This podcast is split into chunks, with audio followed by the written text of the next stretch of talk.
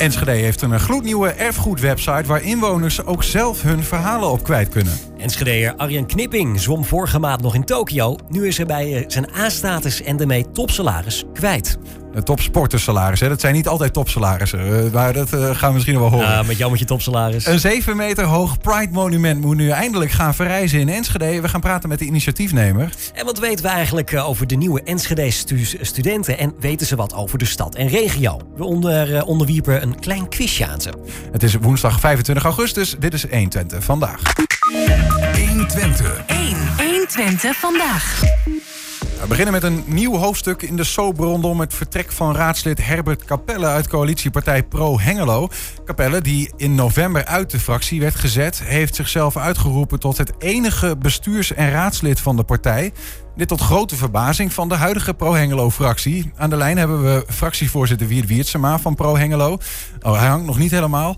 Um, nou ja, we hebben in ieder geval al uh, bij ons aan tafel politiek verslaggever Wilco Lauwers. Wilco, ook uh, goedemiddag. Goedemiddag. Uh, we kregen nogal bizar persbericht binnen hè, van, van iemand die zichzelf tot enige overgebleven raadslid verklaart. Ja, het is echt een soort bekendmaken en het uitroepen van een nieuwe... Um, ja, nieuw land als het ware. Hè. het Capelle die om uh, eh, 12 uur in middernacht de nieuwe, um, de nieuw, het nieuwe bestuur uitroept. En dat is hij zelf en een nieuwe raadslid. Ja, want hij, hij, zelf ook. Ze, ze waren met z'n drieën in het bestuur eh, als bestuursleden. Um, hij, hij, werd er eigenlijk uitgezet. Ja.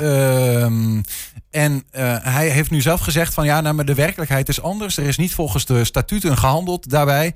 En dat betekent nu feitelijk volgens hem dat uh, hij mag aanblijven. En dat de andere twee, omdat ze niet volgens de statuten zouden hebben gehandeld, eruit liggen. Ja. Uh, en hij zegt daarmee ben ik het enige bestuurslid. Maar er is nog iets. Ik ben ook het enige overgebleven raadslid. En de rest is onafhankelijk raadslid geworden. Ik ben nu de enige Pro Hengelo raadslid. Ja, ja, het is echt een hele rare situatie. We hebben dat uh, persbericht van hem. Uh, helaas, we hadden hem ook zelf aan de lijn willen hebben. Hè, maar hij is op vakantie heel slecht bereikbaar.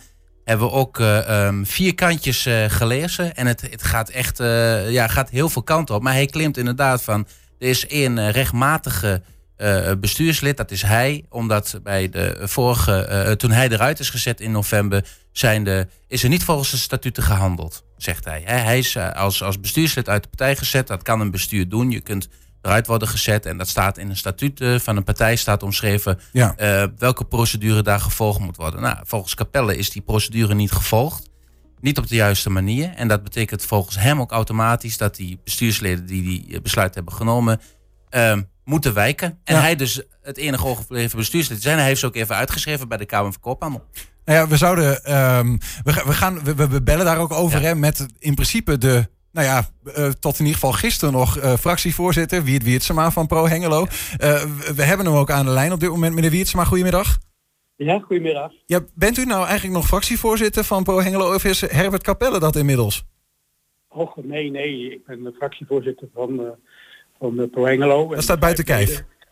Daar staat buiten kijf en de vijf leden vormen samen de fractie.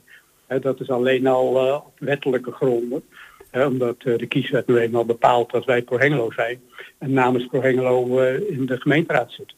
Ja, ja, en dat zijn de vijf leden, um, waaronder Herbert Capelle ook nog? Nee, want we hadden de zes. We hebben Herbert Capelle uit de fractie gezet. Een klein jaar geleden omdat hij uh, allerlei rare standpunten innam waarmee wij ons niet konden uh, verenigen.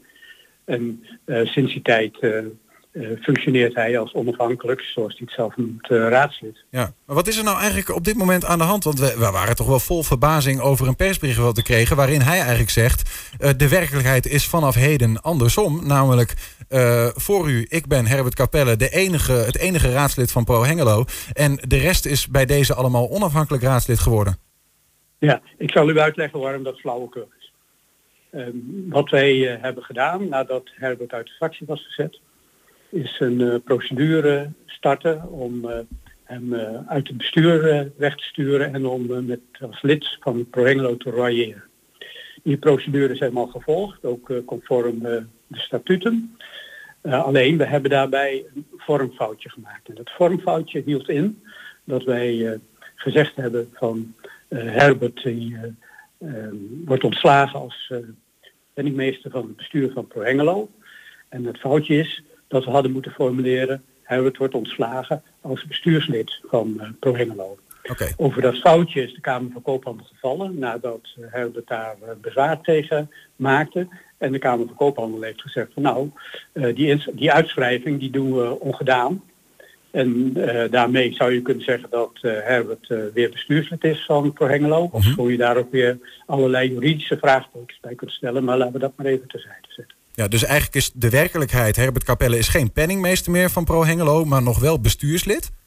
En hij is opnieuw, je zou kunnen zeggen, als dat waar is, dat hij opnieuw bestuurslid is. Maar, en hij zegt eigenlijk zelf in zijn schrijven, zegt hij, um, met deze handeling, namelijk een soort van mij uit dat bestuur willen zetten en dat op een verkeerde manier doen, daarmee is eigenlijk uh, ook statutair, hebben de andere bestuursleden zich nou ja, on, onmogelijk gemaakt als bestuurslid en hebben ze zichzelf een soort van afgezet. Nou, dat is uh, ook flauwekul wat er is gebeurd in het vervolg op uh, die uitzetting is dat Herbert weer lid werd van het uh, bestuur in formele zin. Toen heeft hij op eigen houtje de twee bestuursleden van ProHengelo uitgeschreven bij de Kamer van Koophandel. Daar kregen wij vervolgens een formeel bericht van. Jullie zijn uitgeschreven. Nou, daar stonden we echt van te kijken. Hoe kan dat nou? Nou, toen bleek Herbert dat dus gedaan te hebben. En sindsdien is, vindt hij zichzelf het enige bestuurslid van ProHengelo. En uh, ja, stuurt hij allerlei brieven en neemt allemaal standpunten in. Hm. Zoals jullie ook in de, de persverklaring hebben kunnen vernemen. Ja. Alleen dat zijn allemaal acties op eigen houtje. Maar ik, ik, neem aan, eh, ik, ik, neem aan dat er ook een soort van waarheid is die feitelijk is. Namelijk dat er bij bijvoorbeeld de Kamer van Koophandel bekend is. Wie zijn nou op dit moment de feitelijke bestuursleden van uh, Pro Hengelo? Wat zeggen zij daar zelf over? Is volgens de Kamer van Koophandel, uh, zijn er drie bestuursleden of is er één? Nou, de Kamer van Koophandel is een volgend orgaan. dat geeft vrijheid aan besturen van verenigingen om bestuursleden in te schrijven en en uh, uit te schrijven. Uh, zij toetsen daar verder niet aan op, mm. tenzij er bezwaar wordt gemaakt. En het bezwaar van Herbert was destijds dat hij uh, niet als bestuurslid was voorgedragen voor ontslag en dat is uitgeschreven, maar als penningmeester. En dus claimde hij, ja, ik ben nog steeds bestuurslid.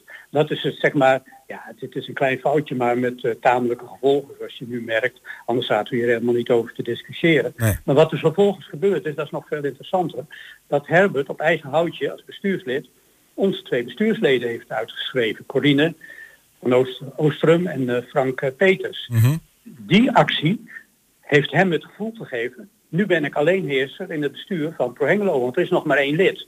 En die conclusie is volstrekt onjuist. Onze advocaat heeft uh, vastgesteld dat dat uh, onjuist is. Ja. En die gaat hem ook, uh, heeft hem ook inmiddels aangeschreven om hem daarop te wijzen en op de onrechtmatigheid van zijn uitschrijving te wijzen. Want Ja. hij heeft zich niet gehouden aan de bestuursbesluiten. Die zijn daar niet over genomen. Hij heeft zich niet gehouden aan uitspraken van de ledenvergadering. Die hadden moeten worden gedaan. En hij heeft zich niet gehouden aan de statuten van ProHengelo. Dat betekent dus dat hij op alle mogelijke manieren onrechtmatig handelde. Je mag misschien zelfs wel zeggen frauduleus heeft gehandeld. Want dit mag gewoon niet. Het is absoluut verboden. Dus even op een rijtje gezet. eh, Pro Hengelo eh, heeft gewoon nog steeds eh, drie bestuursleden. Ehm, en, en ook gewoon vijf raadsleden. Precies, ja. Ja. En een van die bestuursleden, daar zou je van kunnen zeggen, dat is nu ook Herbert Capelle. En we zullen opnieuw een procedure moeten doen om hem uit het bestuur te ontslaan. Mhm. Wij zien overigens nu dat eh, Capelle ook eh, de, de website heeft aangepakt. ProHengelo.nl verwijst inmiddels naar prohengelo.org. Dat is een andere eh, aangepaste website. Ik weet niet of dat bekend was. Maar dit zijn nogal ehm, dingen die hier spelen. Wat, want u zegt al, je hebt een advocaat in de hand genomen. Wat, wat is nou eigenlijk de inzet van, van jullie? Wat vinden jullie hiervan en wat willen jullie dat er gebeurt? Nou, wij hebben geen inzet, wij verdedigen ons. En eh, onze verdediging is dat wij pro-Hengelo zijn, dat wij door de kiezers eh, in onze ambten eh, gekozen zijn. Ja. En dat eh eh, Herbert Capelle langs buitennissige wegen probeert om eh, ons als bestuur en als... Maar wat valt er te verdedigen dan, meneer Wiertsema? Want als jullie als gewoon de werkelijkheid is dat er niks veranderd is, dan hoef hoef je toch niks te verdedigen. Dan zeg je, ja, laat Herbert maar zeggen wat hij zegt. En wij blijven zitten waar we zitten. Hij, doet, hij doet gewoon onrechtmatig handeling. Hij handelt frauduleus richting de Kamer van Koophandel. Daar moeten wij ons tegen verdedigen. Mhm. Daarom hebben we een advocaat genomen. En die gaat hem aanspreken op, op eh, zijn verantwoordelijkheden en deze. Dat gaat gewoon de komende dagen gebeuren. Ja, en wat, wat is de bedoeling van het aanspreken erop? Wat, wat willen jullie? Nou, dat hij hiermee ophoudt. Hij moet er onmiddellijk mee stoppen. Dat, uh, daar gaat het om. Dat ze ermee stopt, nou prima. Dan gaan we echt niet uh, nog verder acties doen uh, wegens smaad of dat soort dingen. Weet je wel, daar hou ik helemaal niet van. Mm -hmm. iedereen mag zeggen wat hij wil. Alleen hij moet niet aan onze rechten komen. En zeker niet aan onze rechten als volksvertegenwoordiger. En ons, aan onze rechten als vereniging. Dan ga je dus zwaar in de fout. En dan moeten we hard terugslaan. En dat gaan we doen. Ja. Wat vindt u eigenlijk van zijn uitspraken dat, dat hij eigenlijk zegt van ja, Pro Hengelo is opgericht om inwoners van Hengelo te vertegenwoordigen op een, uh, ik citeer, sociale, rechtmatige, open, eerlijk en dualistische manier, staat in de statuten. En vooral het dualistische, daar valt hij over. Hij zegt eigenlijk van ja, de fractie van Pro Hengelo, is zoals die in de raad zit, ja, die, die zijn eigenlijk ja-knikkers. Die, die, zijn helemaal, die hebben helemaal niet meer een eigen mening. En da daar valt hij over. Nou ja, dat is gewoon nog aperte flauwekul. Kijk alleen maar even naar wat wij uh, afgelopen weekend uh, richting de begraafplaats allemaal hebben uh, ondernomen. Nee, dat is echt flauwekul. Het punt is, de vraag waarom hebben wij Herbert uit de fractie gezet? Dat was naar aanleiding van de inrichting van de markt. Toen lagen er vier voorstellen en wat gebeurde er? 1200 bewoners hadden een plan gemaakt en Herbert zegt tegen in het openbaar van ik wil dat de architect wordt ontslagen. Ik wil dat het bureau dat de plannen heeft gemaakt samen met de bewoners wordt ontslagen. En we beginnen opnieuw. Dat zegt Herbert gewoon namens de fractie van Perengelo. Daar hebben we een stokje voor gesteken. Dat is absurd. En als hij dat het nieuwe dualisme noemt, dan gaat hij zich gang maar. Maar volgens mij lijkt het niet op dualisme. Ja. Kort gezegd, meneer Wiertsma, de, de, de, het, dit, dit, alles heeft volgens u geen enkel effect op um, het bestuurlijke rijlen en zeilen van Hengelo als het gaat om bijvoorbeeld de coalitie blijft zoals die is op dit moment. Uh, de wethouder Bas van Wakeren blijft aan, gewoon allemaal onder de vlag van Pro Hengelo. Zo is het precies, ja. Dank u wel voor uw. Uh, nog, een, nog tot slot een vraag. We vroegen ons ook nog af. De burgemeester heeft natuurlijk in een, in een gemeente ook een taak om ja, de, de raad voor te zitten. Heeft u hem hier al over gesproken, Sander Schelberg? Ik heb hem daarover uh, gesproken, ja. Wat zegt hij? Op dit moment in gesprek met, met de Griffie. De burgemeester die zegt van... Um, ik ga het allemaal tot op de millimeter uitzoeken wat er juridisch waar is en wat er juridisch niet waar is. En daar is hij nu mee bezig en dat vind ik prima. Laten we het vooral zeer goed in detail uitzoeken. Dan komt de waarheid zelf boven tafel. Daar ben ik niks van. Duidelijk. Wiert Wiertsema, dank voor de uitleg.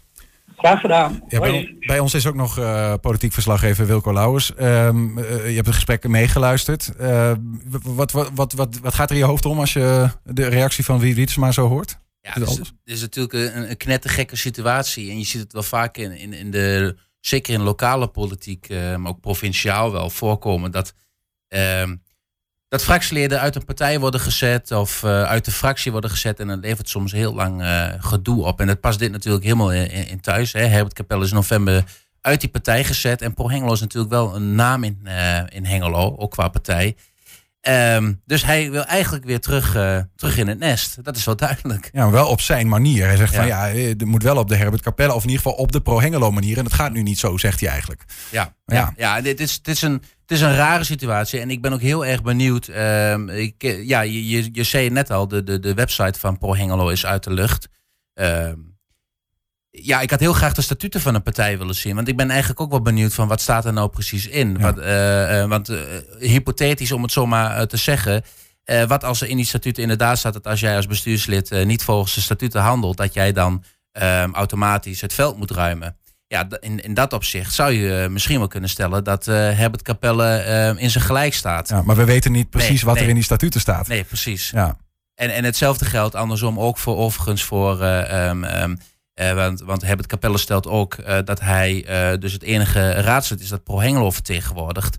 Nou, wie, wie het maar zei net al, de kieswet die schrijft gewoon voor dat wie op de kieslijst staan bij de verkiezingen en de partijnaam die daarboven staat, die partijnaam vertegenwoordigen zij. En het is daarna aan de fractie om te bepalen wie er in die fractie zit. Dus ja. Um, ja, je ziet het hier ook gebeuren. Die, die, zes, die, die fractie van zes heeft in november ergens vergaderd. En die hebben met waarschijnlijk vijf tegen één uh, gestemd dat uh, Herbert Capelle eruit wordt gezet. En daarmee is hij uh, pro-Hengelo fractielid af. Niet per se lid in de zin van, hè, dat heb je gezien, hij bleek mm -hmm. nog gewoon bestuurslid te zijn, een slapend bestaan te hebben. maar dan is hij fractielid van pro-Hengelo af. En dan is het zijn recht om zijn zetel mee te nemen en een eigen partij te starten. Ja, maar heeft hij dus, daarmee heeft hij niet uh, per se de macht om te zeggen: ik ben nu ook uh, het enige overgebleven raadslid. Want dat bepalen de fractieleden zelf. En die zijn nog pro Hengelo. Ja, naar mij weet een bestuur kan niet zeggen van uh, de fractie bestaat vanaf nu niet uit vijf, maar uit vier mensen. We hebben er eentje uitgezet. Nee, dat bepaalt echt de fractie. Ja. Interessant uh, en bizar tafereel in ieder geval. dank voor, voor jouw toelichting daarop. En nou, we blijven het volgen. Ja, zeker. Wilco Lauwers. Goed, zometeen. Enschedeer Arjen Knipping. Die zwom vorige maand nog in Tokio. Nu is hij zijn A-status en daarmee topsportersalaris kwijt. We zijn ook als eh, podcast te luisteren. Hè. Iedere uitzending staat bijvoorbeeld op Spotify, maar ook op uh, Apple Music en zo. Of uh, Apple Podcast, hoe je het wil zeggen. De bekende platforms. En elke, van elke uh, dag is ook één item uitgelicht. 120. 120 Alle culturele erfgoedinformatie over Enschede op één plek. De gemeente Enschede, de Stichting Historische Sociëteit Enschede-Lonneke en de Oudheidkamer Twente lanceren vandaag de gloednieuwe website erfgoedenschede.nl. Greep uit de inhoud, uh, archieven, collecties, foto's, de kanon van Enschede. En heel bijzonder de persoonlijke verhalen van Enschede'ers... die ze ook nog eens zelf mogen plaatsen op dat platform. We gaan erover praten met uh, uh, erfgoedmanager Stadsarchief Enschede. Dat is uh, José Nieuwenhuis. José, welkom. Dankjewel. Een erfgoed, te zijn. erfgoedmanager Stadsarchief. Wat, wat doe je dan eigenlijk als je dat bent? Ja, dat is... Ik, ik, ik moet ook... Uh, ja, ik moet ook altijd een beetje om glimlachen bij die term, maar... Um, een beetje, om een beetje een voorbeeld te noemen. We hebben afgelopen jaar binnen de gemeente Enschede echt de uh, samenwerking opgezocht uh, met erfgoedcollega's. En daar uh, zit dan mijn energie achter, zeg maar. Dus met stadsarchief en archeologie, monumenten, immaterieel erfgoed. En ook -hmm. dus nu met de website. Want als je, als je de, de term erfgoed zou moeten duiden, wat zou je dan zeggen? Wat is dat? Ja, um, uh, erfgoed is eigenlijk waar mensen uh, uh, waarde aan toekennen. Wat zij belangrijk vinden om te bewaren voor de toekomst. En dat hoeft niet ehm, altijd heel oud te zijn. dat wordt ook in het hier en nu ontstaat dat. Mm -hmm. En, um, ja, maar het kan is... alles zijn dus, als ik dat zo hoor, eigenlijk. Het kan, het, het kan materieel zijn, het, de, de, de, nou noemt het onderwerp al archeologie of uh, monumenten, maar het kan ook um, uh, gebruiken zijn, volkscultuur. Ja. Ja, ja. Er is in ieder geval, het is in ieder geval zo belangrijk voor Enschede dat er besloten is om een nieuwe website te lanceren. Ja. erfgoedenschede.nl. Wa waarom was die nodig, die nieuwe? Um, het, het, begon omdat het Stadsarchief uh, een uh, nieuwe site uh, nodig had. En um, toen um, ontstond zo het, het, het, het, idee met elkaar om dat erfgoed breed te doen. En in de stad is ook, gebeurt ook heel veel op erfgoed. Er zijn heel veel initiatieven bij verenigingen en stichtingen. Mm -hmm. En in het netwerk hebben we dat bij elkaar gebracht om dat met elkaar te doen. En Ze waren verschillende plukjes, eigenlijk verschillende ja. websites met ja. verschillende plukjes. En hier ja. is gekeken van kunnen we niet alles samenbrengen? Ja, zowel binnen de gemeente Enschede waren die verschillende plukjes als in de, in de stad. Die, die zijn er ook nog steeds wel in de stad. Bij de gemeente Enschede alle informatie komt op de website. Ja. Maar wij maken ook zichtbaar welke initiatieven er allemaal zijn. Dus ik hoop ook van harte dat mensen gaan uh, deelnemen. Want het is in een, uh, een vrij compact uh, project hebben we dit gerealiseerd. Maar um, ik hoop ook dat er echt goed gebruik gemaakt van worden. Dat, dat de verenigingen mee gaan uh, doen. We hebben een, een kleine um, nou ja, een preview. Of eigenlijk gewoon van hoe die website er, eruit ziet. Als we daar naartoe gaan, erfgoedenschede.nl. Dan hoeven mensen dat niet zelf te doen. Kun je gewoon meekijken, 120.nl of YouTube. Uh, dan zien we deze website. Ja. Misschien kan we er nog heen praten. Wat zien we eigenlijk op die website? Um, je ziet even nieuws en agenda. Want ik kijk even met je mee. Mm -hmm. um, en onderaan staan de partners die uh, in het begin uh, het initiatief hebben genomen. Dus de Historische Sociëteit en uh, de Oudheidkamer Twente. En de gemeente Enschede uiteraard.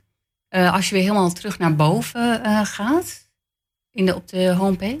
Ja, het is een, het is een video. Dus, oh, okay. uh, ja, oké. Okay, maar praat vertel gerust wat er staat. Dat gaat er nu, uh, de, dat is de menubalk waar eigenlijk gewoon het hele uh, schakering laten we zien. En dan kan je dus de collecties bekijken, de verhalen, monumenten, archeologie. En, het, en er zit ook een sterke zoekfunctie in die eigenlijk overal op de website te zien is. En waarin je gewoon je term kan invoeren. Ja of het een wijknaam is of waar je woont. En voor, voor wie is dat dan? Want wanneer ga ik nou naar erfgoedenschede.nl? Wanneer bedenk ik, nou, ik ga eens even daarin grasduinen?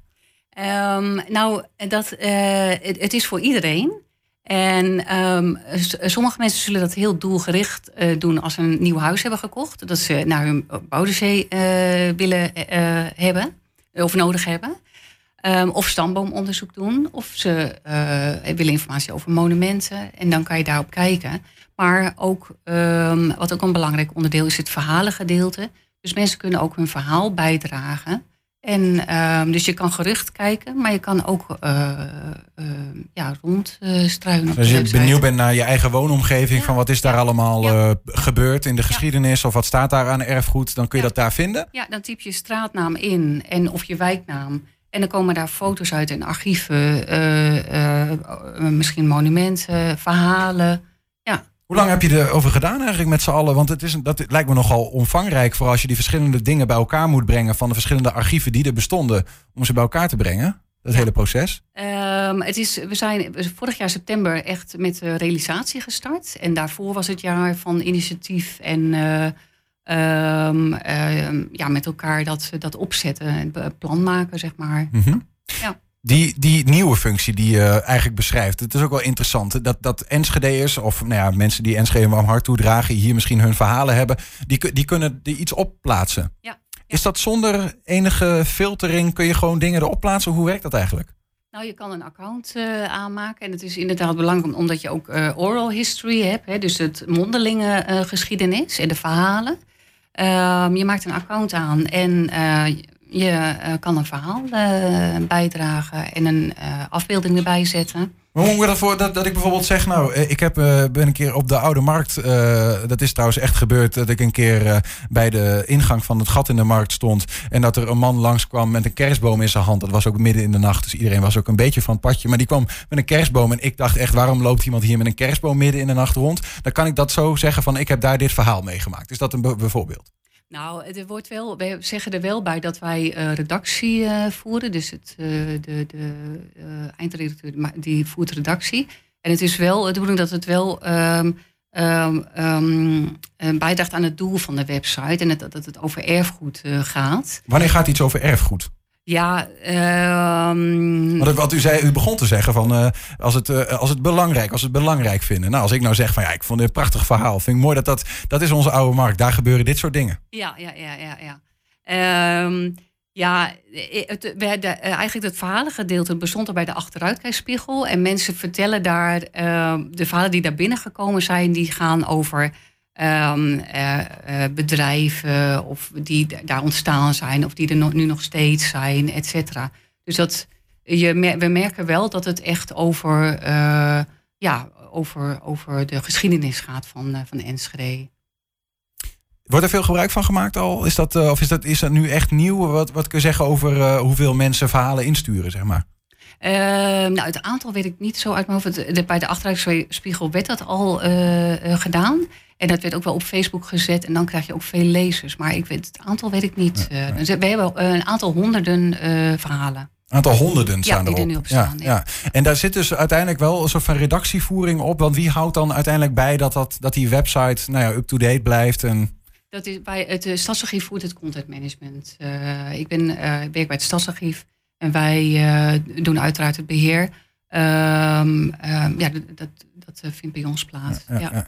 Is het website nu helemaal af of is hij nog soort van in ontwikkeling? Gaat er nog iets spannends bij komen? Wat kunnen we nog verwachten? Uh, nou, we hebben naar de livegang toegewerkt. En um, nu gaan we over op uh, ja, de werkende fase, zeg maar. en uh, we willen wel toewerken aan dat de collecties aan toegevoegd worden. Dus daar gaan we mee, mee bezig of een, een pilotproject doen. En um, ook dat deelnemers uh, ook zich zichtbaar maken. Dus daar zullen we ons in het begin ook op richten. Ja, ja, ja. Om die contacten aan te gaan. Waar ben je zelf het meest trots op tot slot als je kijkt naar die website zoals die geworden is? Ja, het, het is prachtig dat het nu heel goed zichtbaar is. En dat, uh, ja, dat, dat het enthousiasme die, wat iedereen heeft, dat dat nu tot uitdrukking komt. En ja, dat je, daar, dat je er trots op kan zijn, hè, op, het Ens, op Enschede. En uh, ja, hoe het ontstaan is en nog steeds is. Ja. Erfgoedenschede.nl Ja. José Nieuwenhuis, dank voor de komst en nou ja, voor een mooie nieuwe website. Ja, dankjewel. Ja, een 7 meter hoog Pride-monument moet eindelijk gaan verrijzen in Enschede. We praten straks met initiatiefnemer Marco Strijks. En heb je nou ook een tip voor ons als redactie, net zoals José bijvoorbeeld? Mail ons dan even. Dat kan naar info.120.nl 120. 1. 120 vandaag. Goed, je doet mee aan de Olympische Spelen. Zwem zelfs een Nederlands record. Maar bij thuiskomt kom je erachter dat je A-status niet verlengd wordt. Met andere woorden, je krijgt geen salaris meer van het NOC-NSF. Oftewel, je moet zelf sponsoren zoeken of gewoon een nieuwe baan. Het overkwam de beste wisselslagzwemmer van Nederland. Uh, Enschede Arjan Knipping. We spraken hem aan de rand van het Twentebad in Hengelo, waar hij traint.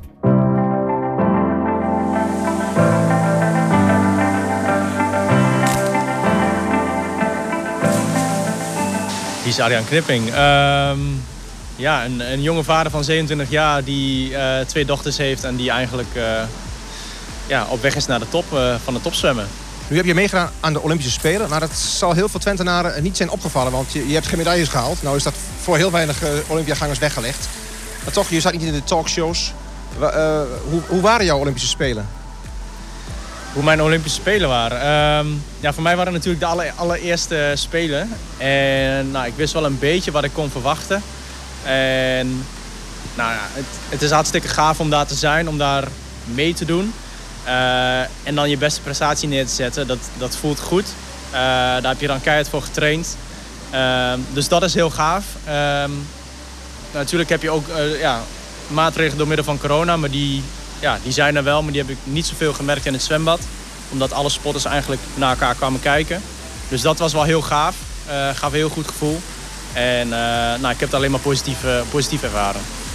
Ik heb meegedaan op, op de 200 en de 400 meter wisselslag. Ehm, ik heb allebei niet de halve finale of finale gehaald. Wel heb ik op de 200 meter heb ik, mijn Nederlands record verbroken. Ik ben de allereerste Nederlandse man onder de twee minuten op de 200 meter wisselslag. Nou, dat is wel een hele mooie titel. Ja, die, dat vind ik wel een hele mooie titel. Op de 400 som ik mijn beste seizoenstijd van, van twee seizoenen. dus daar kan ik niet ontevreden mee zijn. En toch, toen je terugkwam van de Spelen, was er slecht nieuws. Vertel eens. Toen ik terugkwam, toen werd mijn status, mijn A-status bij NOC-NSF werd niet verlengd. onlangs in, in juni kreeg ik nog een brief, aangetekende brief... waarin stond dat mijn status verlengd zou worden tot en met september 2022. Ehm, maar ik kreeg daarna dus het nieuws dat ik niet aan de eisen had voldaan. Dus een top 5 op mijn EK of een top 8 op de Olympische Spelen of WK. Daar had ik niet aan voldaan. En daardoor ging, mijn, uh, ging een streep door mijn uh, A-status. En uh, is die per september niet, meer aan, niet meer aanwezig. Want jouw situatie is uitzonderlijk. Je bent een van de weinige topzwemmers met een gezin. Een vrouw en twee jonge kinderen. Uh, je hebt gewoon hartstikke hard geld nodig om te kunnen trainen. En om, uh, de, je hebt niet de tijd om een fulltime baan uit te gaan zoeken. Nee, nee ja, die tijd heb ik inderdaad niet. Uh, dus is zo'n ja, een A-status en daarmee het stipendium is, is, ja, is heel goed. En, en ja, misschien ook wel een must inderdaad. Uh, om te kunnen doen wat ik, ja, wat ik wil doen. Ehm, maar je moet toch ergens van, geld vandaan zien te krijgen. En het gekke vind ik nog dat als je op weg bent naar de top je geen geld krijgt. Maar als je er daadwerkelijk bent, dat je dan pas wel geld krijgt. Dus dat... Maar als je meedoet aan de spelers, sta je dat niet aan de top? Ik zou zeggen van wel. Ehm, maar dat, dat is mijn mening, dat vind ik. Ehm, maar de andere mensen die, uh, die denken daar misschien anders over. Wat zijn jouw kansen nu om toch nog uh, aan uh, financiën te komen de komende tijd? Um, dat is lastig. Ben ik op dit moment aan het uitzoeken. Ik uh, ben eigenlijk op zoek naar uh, sponsoren, ondernemers, uh, organisaties die mij willen helpen. Ehm, ja, die, die met mij samen willen werken om tot een bepaald doel te komen. En nou, ik ben gekwalificeerd, of tenminste ik heb aan een prestatie-eis voldaan voor de volgende EK en de WK van volgende zomer. Um, daar wil ik naartoe werken. En als mensen daar mij graag in willen steunen of helpen, dan, dan zou ik dat heel fijn vinden. En dat gaat mij zeker op weg helpen.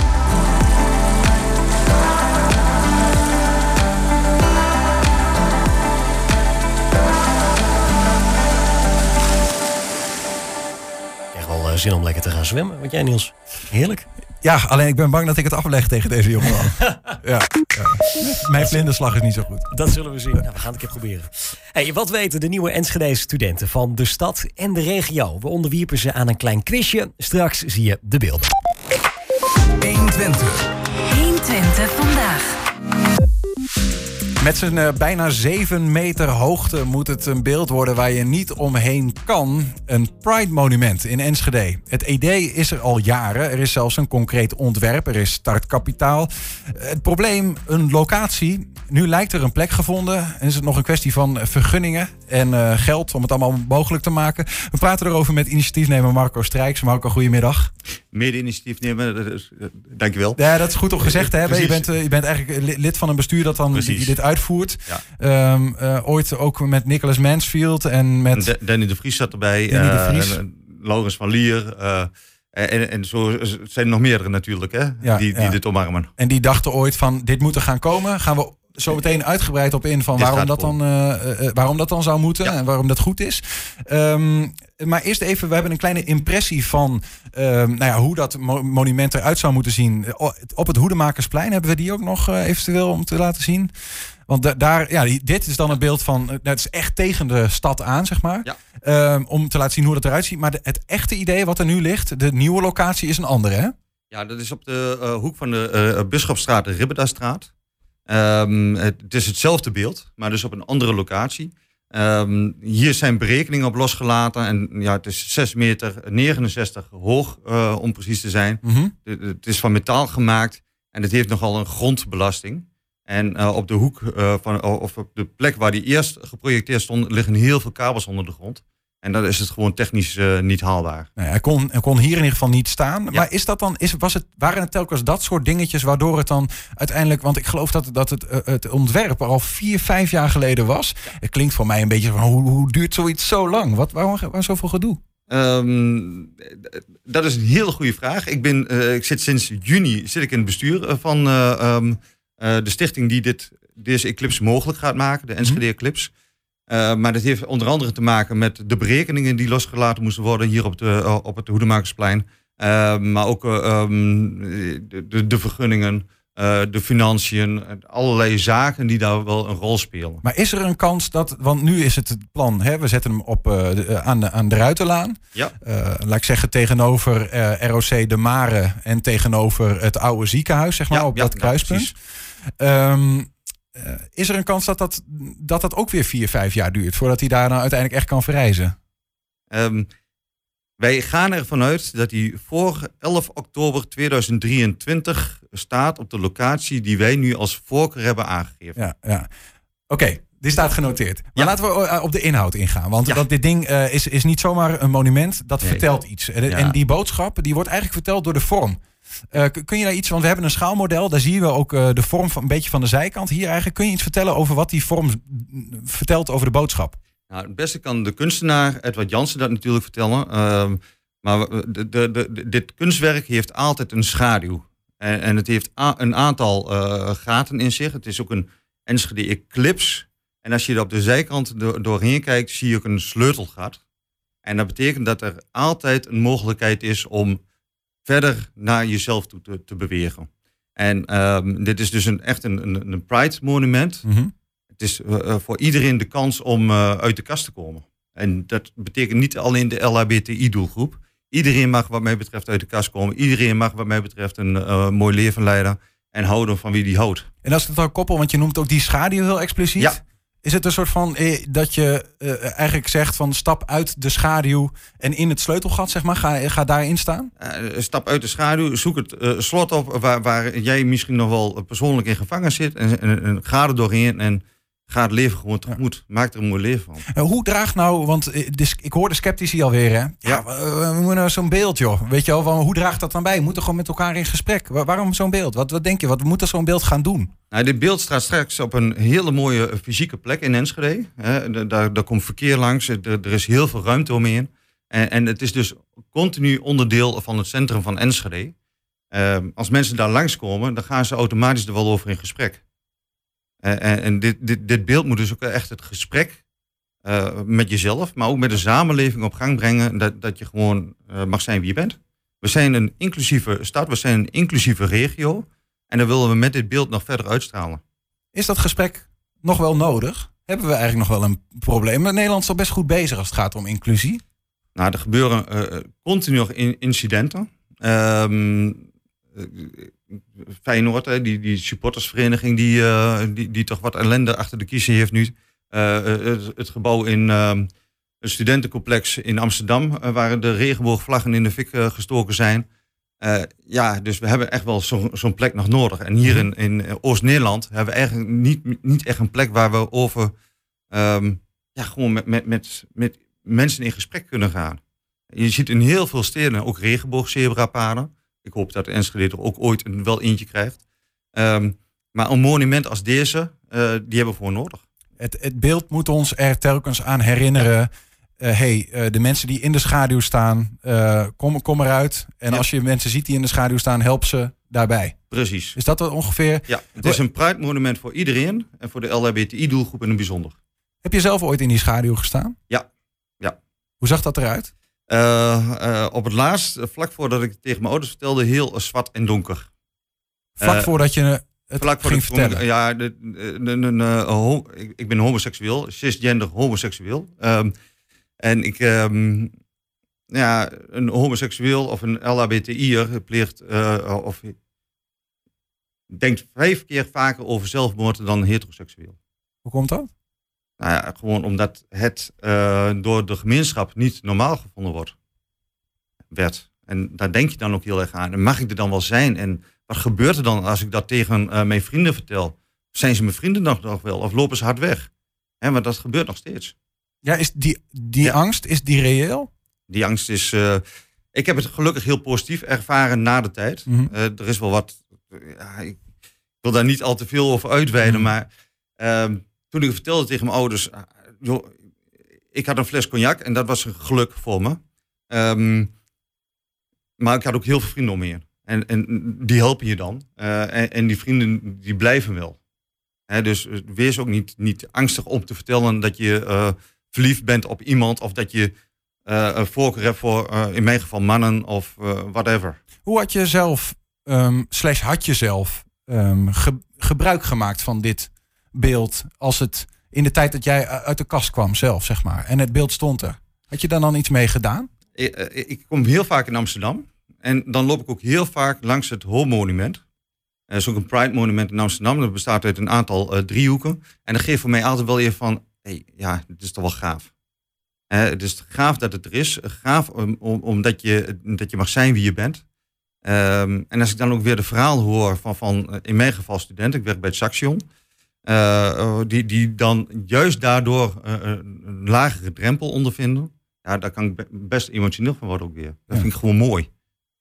Dat, iemand zichzelf kan, durft en mag zijn. En het gaat dus in dit geval, uh, kan het over homo-emancipatie gaan. Maar het kan dus, wat je net zei, het is een pride monument. Ja. Het kan ook gaan over um, uh, uh, mensen die uit het buitenland komen en hier moeten integreren? Um, vanochtend had ik weer een heel leuke dame aan de telefoon. Um, die heeft afgelopen weekend haar naam gekozen samen met haar familie.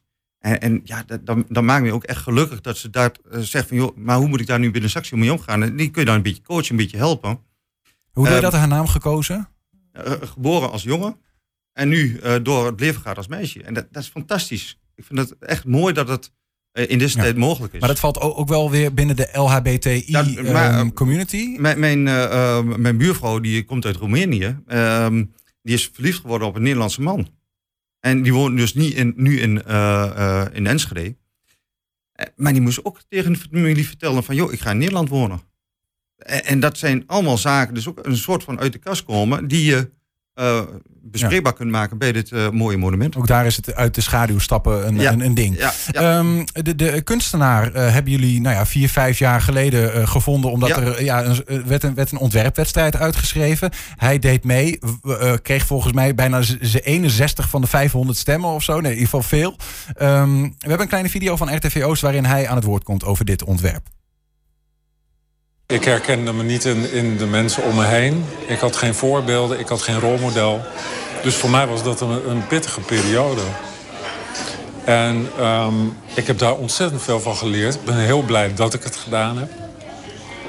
Uh, en ik benijd de mensen niet die die stap niet uh, durven wagen. Hier zit het schaalmodel dus in? Hier zit het schaalmodel in en die heb ik dus zelf ook vier jaar niet gezien. Zo lang ligt het plan er al? Zo lang ligt het plan er al.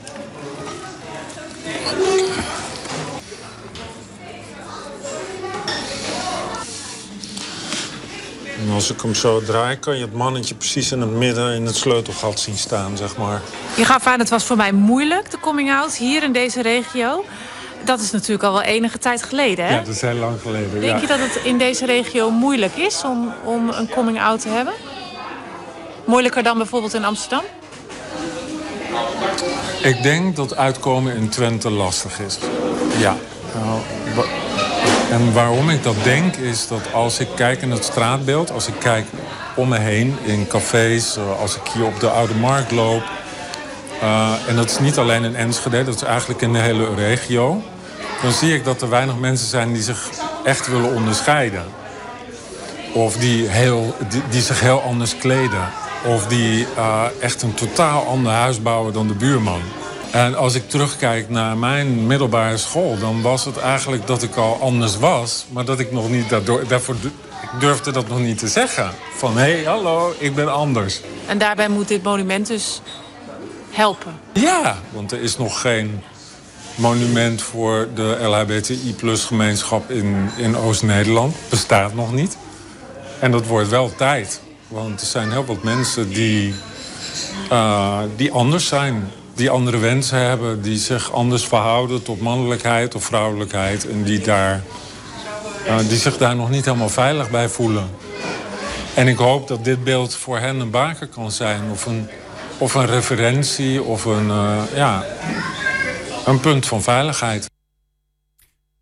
Onderschrijf je die woorden van hem, uh, van deze ja. kunstenaar Edward Jansen? Dat hij eigenlijk zegt, ja, in Twente is het misschien soms wel wat lastig... omdat we nou ja, met, met elkaar nou, wat down to earth zijn... en daardoor misschien ook niet zo graag um, er anders uitzien.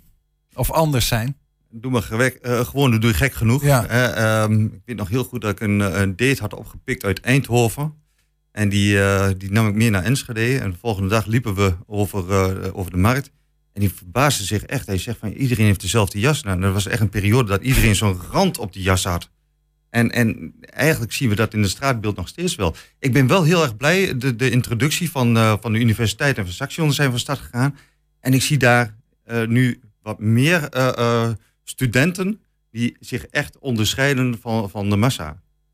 Het wordt wat, wat, andere kleur haar, andere kleur kledingstijl. Wat kleurrijker, letterlijk. Ja, ja, ja, ja, heerlijk. Klein uitstapje nog. Um, we zagen ook berichten voorbij komen waar je naam werd genoemd als het gaat om een soort van ja, een, een leerkring, learning community.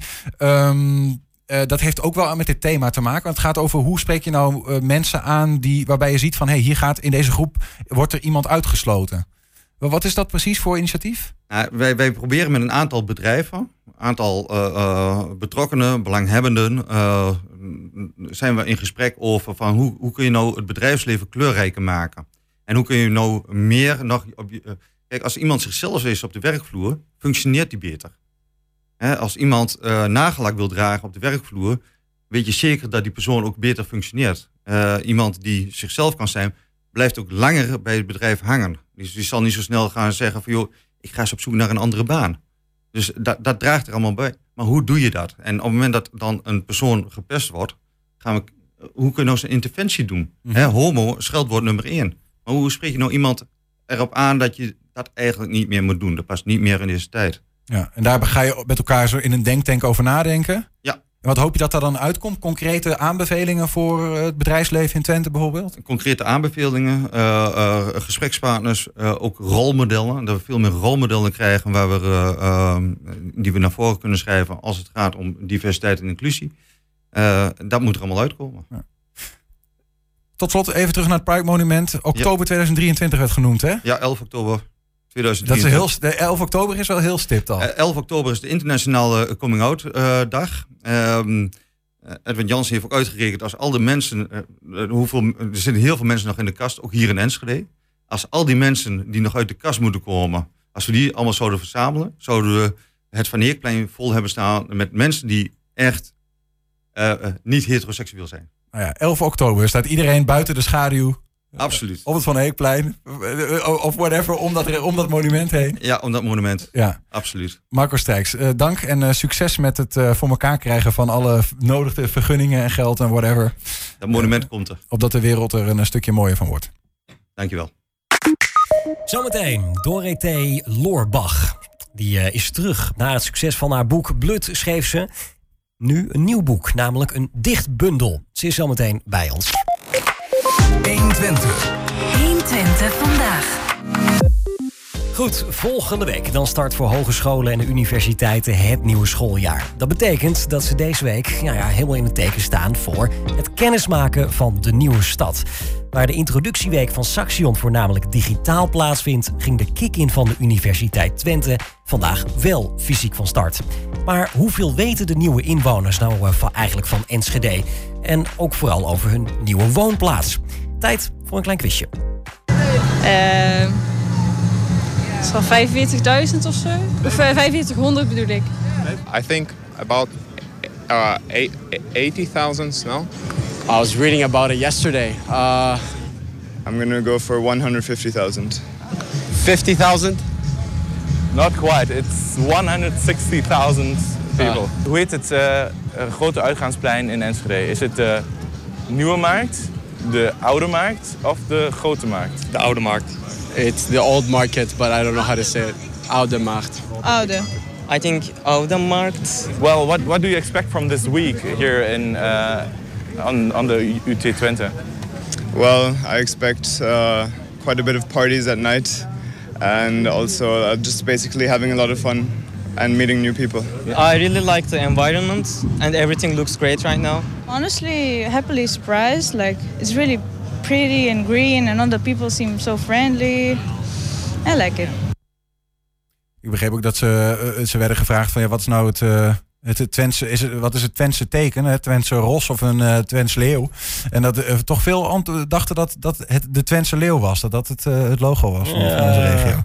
Nou, was ook mooi geweest. Misschien moet daar eens over nadenken. Hè? Verandering op zijn tijd. Of is dit heel erg voor de conservatieve luisteraar? Die, dan word ik met pek en veren de laan uitgestuurd. De Twentse ros, daar houden we het lekker bij. Ja.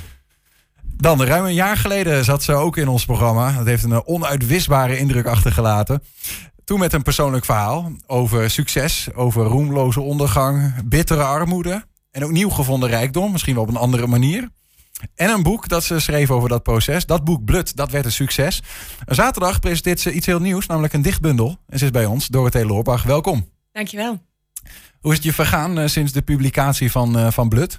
Nou, eigenlijk heel goed. Dat, uh, het, wa het, was echt een soort van wedergeboorte. En daarna was alles veel simpeler. Um, en toen kwam corona natuurlijk. Of corona was er al, maar er kwam weer een lockdown, weer een lockdown, weer een lockdown. Mm -hmm. en, um, en toen had ik ineens uh, heel weinig uh, inkomen. Maar ik had gelukkig van Blut wel geleerd dat ik een buffer nodig had. En dat die langer moest zijn dan ik kon, uh, kon inschatten. En toen werd dit jaar mijn, mijn meest creatieve jaar. Dus toen ben ik dichtbundel gaan schrijven en theater. Is dat toch geboren uit de noodzaak? Dat je dacht van ja, um, we moeten iets nieuws creëren? Nou, ik zie het niet echt als noodzaak, maar doordat ik geen opdrachten had, kon het. Dus uh, ja. Ja, om echt iets vanuit jezelf. Uh, trouwens, even, toch heel even over, over Blut. Uh, want uh, we hadden het over een, een, nieuw gevonden rijkdom. Wat, wat, mm -hmm. was, wat was dat? Wat heb je gevonden? Wat, wat, wat is het, het, het punt waar het boek dan om draait, wat jou betreft? Nou, dat ging eigenlijk over waarde. Over um, dat wat belangrijk is voor je centraal stellen, maar ook jezelf belangrijk maken. Dus vinden dat um, ja, dat je de dingen die je wilt ook waard bent. Dat is een beetje een combinatie. En um, dus ik ben veel meer gaan, uh, of ik ben geld belangrijker gaan maken, juist omdat ik het niet belangrijk vond. En doordat ik het belangrijk genoeg maakte, werd het weer onbelangrijk. En daardoor had ik ineens weer heel veel ruimte en tijd en creatief vermogen, want daar heb je ook ruimte voor nodig natuurlijk. Mm -hmm. En um, was ik niet meer zo hard aan het werken, maar was ik gewoon een beetje slim aan het werken en bleef er heel veel tijd over voor creatie. En voor mezelf en mijn dierbaren. En uh, ja, en die lessen heb je het afgelopen coronajaar ook weer zelf ter harte genomen. Ja, zeker. En ja, daaruit is uiteindelijk zachtig. zachtig ontstaan. Ja. Zachtig. Is dat een, uh, is een woord wat ik in Vandalen kan intikken en krijg ik dan een betekenis? Dat zou ik wel heel cool vinden. Er zijn schrijvers die dat gelukt is. Nee, het is een, uh, het, het, is een uh, samenstelling van zacht en krachtig. En ehm, het boek is opgedeeld in drie stukken. En dat zijn eigenlijk drie stukken in mijn leven die ik zelf doorlopen heb. Ik begon met zacht en altijd alles lief en goed willen doen en mensen blij willen maken. En toen kwam krachtig, toen kwam de autonomie erbij. En zachtig is de combinatie daarvan. Dus dat je wel je grenzen aangeeft, maar toch ook vanuit compassie bijvoorbeeld kan leven. Of gewoon zacht kan blijven of kwetsbaar kan zijn. Is het ook chronologisch zoals je het nu vertelt? Ben je zeg maar in die tweede periode, die krachtige periode, ook af en toe een bitch geweest? Moet ik dat dan zo zien? Dat, dat, dat, dat kan ik nu af en toe wel zijn, ja. Dat, uh, nu ik, wel? Ja, ik was, ik was laatst met mijn moeder en mijn dochter was ik een spelletje aan het doen. En toen werd ik ineens wat fanatiek. En toen zei mijn moeder van, oh, dat, zo fel ken ik je helemaal niet. Maar toen was je niet zo zachtig dus? Toen was ik niet zo zachtig. Nee, daarna wel, want ik kon er heel snel ook weer om lachen... omdat ik dingen niet meer zo persoonlijk uh, bedoel of opvat. Dus ja. dat, uh, dat valt dan wel weer mee. Ja. Maar is het dan een soort van ook dat je op een gegeven moment leert in je leven... of hebt geleerd om het um, flexibel toe te passen? Van oké, okay, nu moet ik even echt krachtig zijn... en nu moet ik misschien iets gas terugnemen of zo? Is dat het... Uh, wat je er dan... Ja, ik denk dat het gewoon uh, onverontschuldigend jezelf zijn is. Dus, en dat is niet altijd lief en het is ook niet altijd van je afbijten. Maar het is gewoon dat doen waar de, nou ja, waar de situatie om vraagt. En meestal, als je niks te verdedigen hebt, als je gewoon oké okay bent met wat er is of wie je bent, dan hoef je ook niet kracht toe te passen. Dan is het al krachtig. Dan word je vanzelf zachtig. Ja, maar daar was natuurlijk wel die tijd voor nodig en die stilte voor nodig van het afgelopen jaar. Om überhaupt in, zeg maar, in die donkere krochten van mezelf te komen, waardoor die inzichten naar boven kwamen. Ja, ja. Ga je dan ook vanzelf dichten? Want blut is geen dichtbundel. Nee. Zachtig is dat wel. Ja, blut was vier jaar hard werken. En uh, zachtig is, um, is eigenlijk zijn allerlei momenten in mijn leven. Als ik, als ik het ergens moeilijk mee had of als iets heel hard binnenkwam, dan ging ik dichten. En uh, van de eerste 30, 40 jaar in mijn leven, zeg maar, staan er nog een paar tussen. Maar de rest is allemaal van het afgelopen jaar. En um, uh, ja, de een die komt in 10 seconden en die schrijf ik midden in de nacht even snel op en dan is die er. En de ander, daar ben ik maanden aan het, aan het schrappen en sleutelen en dan is die er pas. Ja. Het merendeel is dus de afgelopen jaar ook tot stand gekomen. Ja, ik denk 90% is uh, van de afgelopen negen maanden, denk ik, zoiets. Ja. ja. En wat is er dan... Um, want het afgelopen jaar was een bijzonder jaar. Je noemde al corona, mm -hmm. lockdown. Nou ja, misschien is er, je had meer, meer ruimte. Um, uh, wat zit er in die verhalen wat afgelopen jaar de, de, erin is gekomen... wat mm -hmm. bijvoorbeeld er niet in zou zijn gekomen als je hem vijf jaar geleden had gemaakt? Oh, jij stelde vorige keer ook al van die briljante vragen. Um, Sorry, wat zit er in? Nee, ja, nee, dat moeilijke vraag, juist, moet even nee. over nadenken. Mag nou ja, nou, het is grappig, een beetje off-topic. Maar ik zei net bij de, bij de redactie, toen ik even stond te wachten, zei ik van, ik ben uit door heel Nederland geïnterviewd over mijn eerste boek. En alleen jij pakte de essentie in een gesprek van vijf minuten. Toen zei je, Dorothee Lorberg schreef een boek over zingeving. En iedereen dacht dat het over geld ging. Dus dit, ik, ik was hierop voorbereid, maar niet op deze vraag. Die geef ik Ehm, ook door aan de redactie. Hè? ja. Dat is een samenwerking. Nee, maar bij deze, dankjewel. Had, had ik al doorgegeven. Maar eh, Goed zo. ehm, wat erin zit, wat de afgelopen vijf jaar niet had gekund. Ja, wat, wat heb je nou afgelopen jaar beleefd? Zeg maar, Mhm. Wat ging er in je hoofd om als je s'nachts wakker werd? Wat misschien het afgelopen jaar uniek maakte, wa- waardoor je zeg maar zo een aantal gedichten hebt geschreven eh, die hierin staan. Waardoor de rode draad is ontstaan. Nou, het is, het is sowieso zeg maar stil durven zijn en je eigen schaduwkant in de ogen durven kijken, zeg maar. Dus de dingen durven voelen die je eigenlijk niet wil voelen. En, ehm, en überhaupt kwetsbaar durven zijn. En, en, en me realiseren dat iets als kwetsbaarheid eigenlijk niet bestaat. Want als jij volledig, zeg maar, emotioneel gezien naakt bent tegenover de ander, dan is dat voor die ander ook veilig om te doen. Dus als, je, als jij jezelf opent, dan opent de ander ook. En dan is er niks kwetsbaars meer aan. Terwijl als jij probeert om een soort van harnas om jezelf heen te bouwen voor jezelf en voor de ander, ja, dan, is, dan, dan, dan hou je wel afstand, maar ook van jezelf. Ja, dan zit de kwetsbaarheid juist heel erg daar, achter dat harnas. Ja, dan blijf je kwetsbaar, want je bent bang dat iemand er doorheen breekt. En als er niks is om erheen te breken, dan ben je ineens eh, onoverwinnelijk. Ja. En toch is het heel eng om dat schild weg te leggen. Heel, ja. Ik, ik sprak vanochtend nog een vriendin van me die ook schrijver is en die ook wel dicht. En die zei, ja, ik, ik zou dit niet durven wat jij nu doet, want je legt jezelf volledig eh, bloot. Heb je een voorbeeld van een gedicht waarin je zegt van hier valt mijn schild even helemaal weg?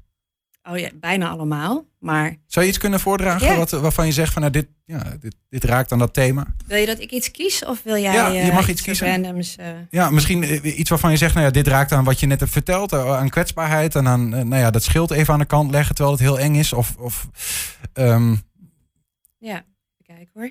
of misschien gewoon een gedicht waarvan je zegt, joh, dat heb ik geschreven en later keek ik en toen dacht ik, heb ik dat geschreven?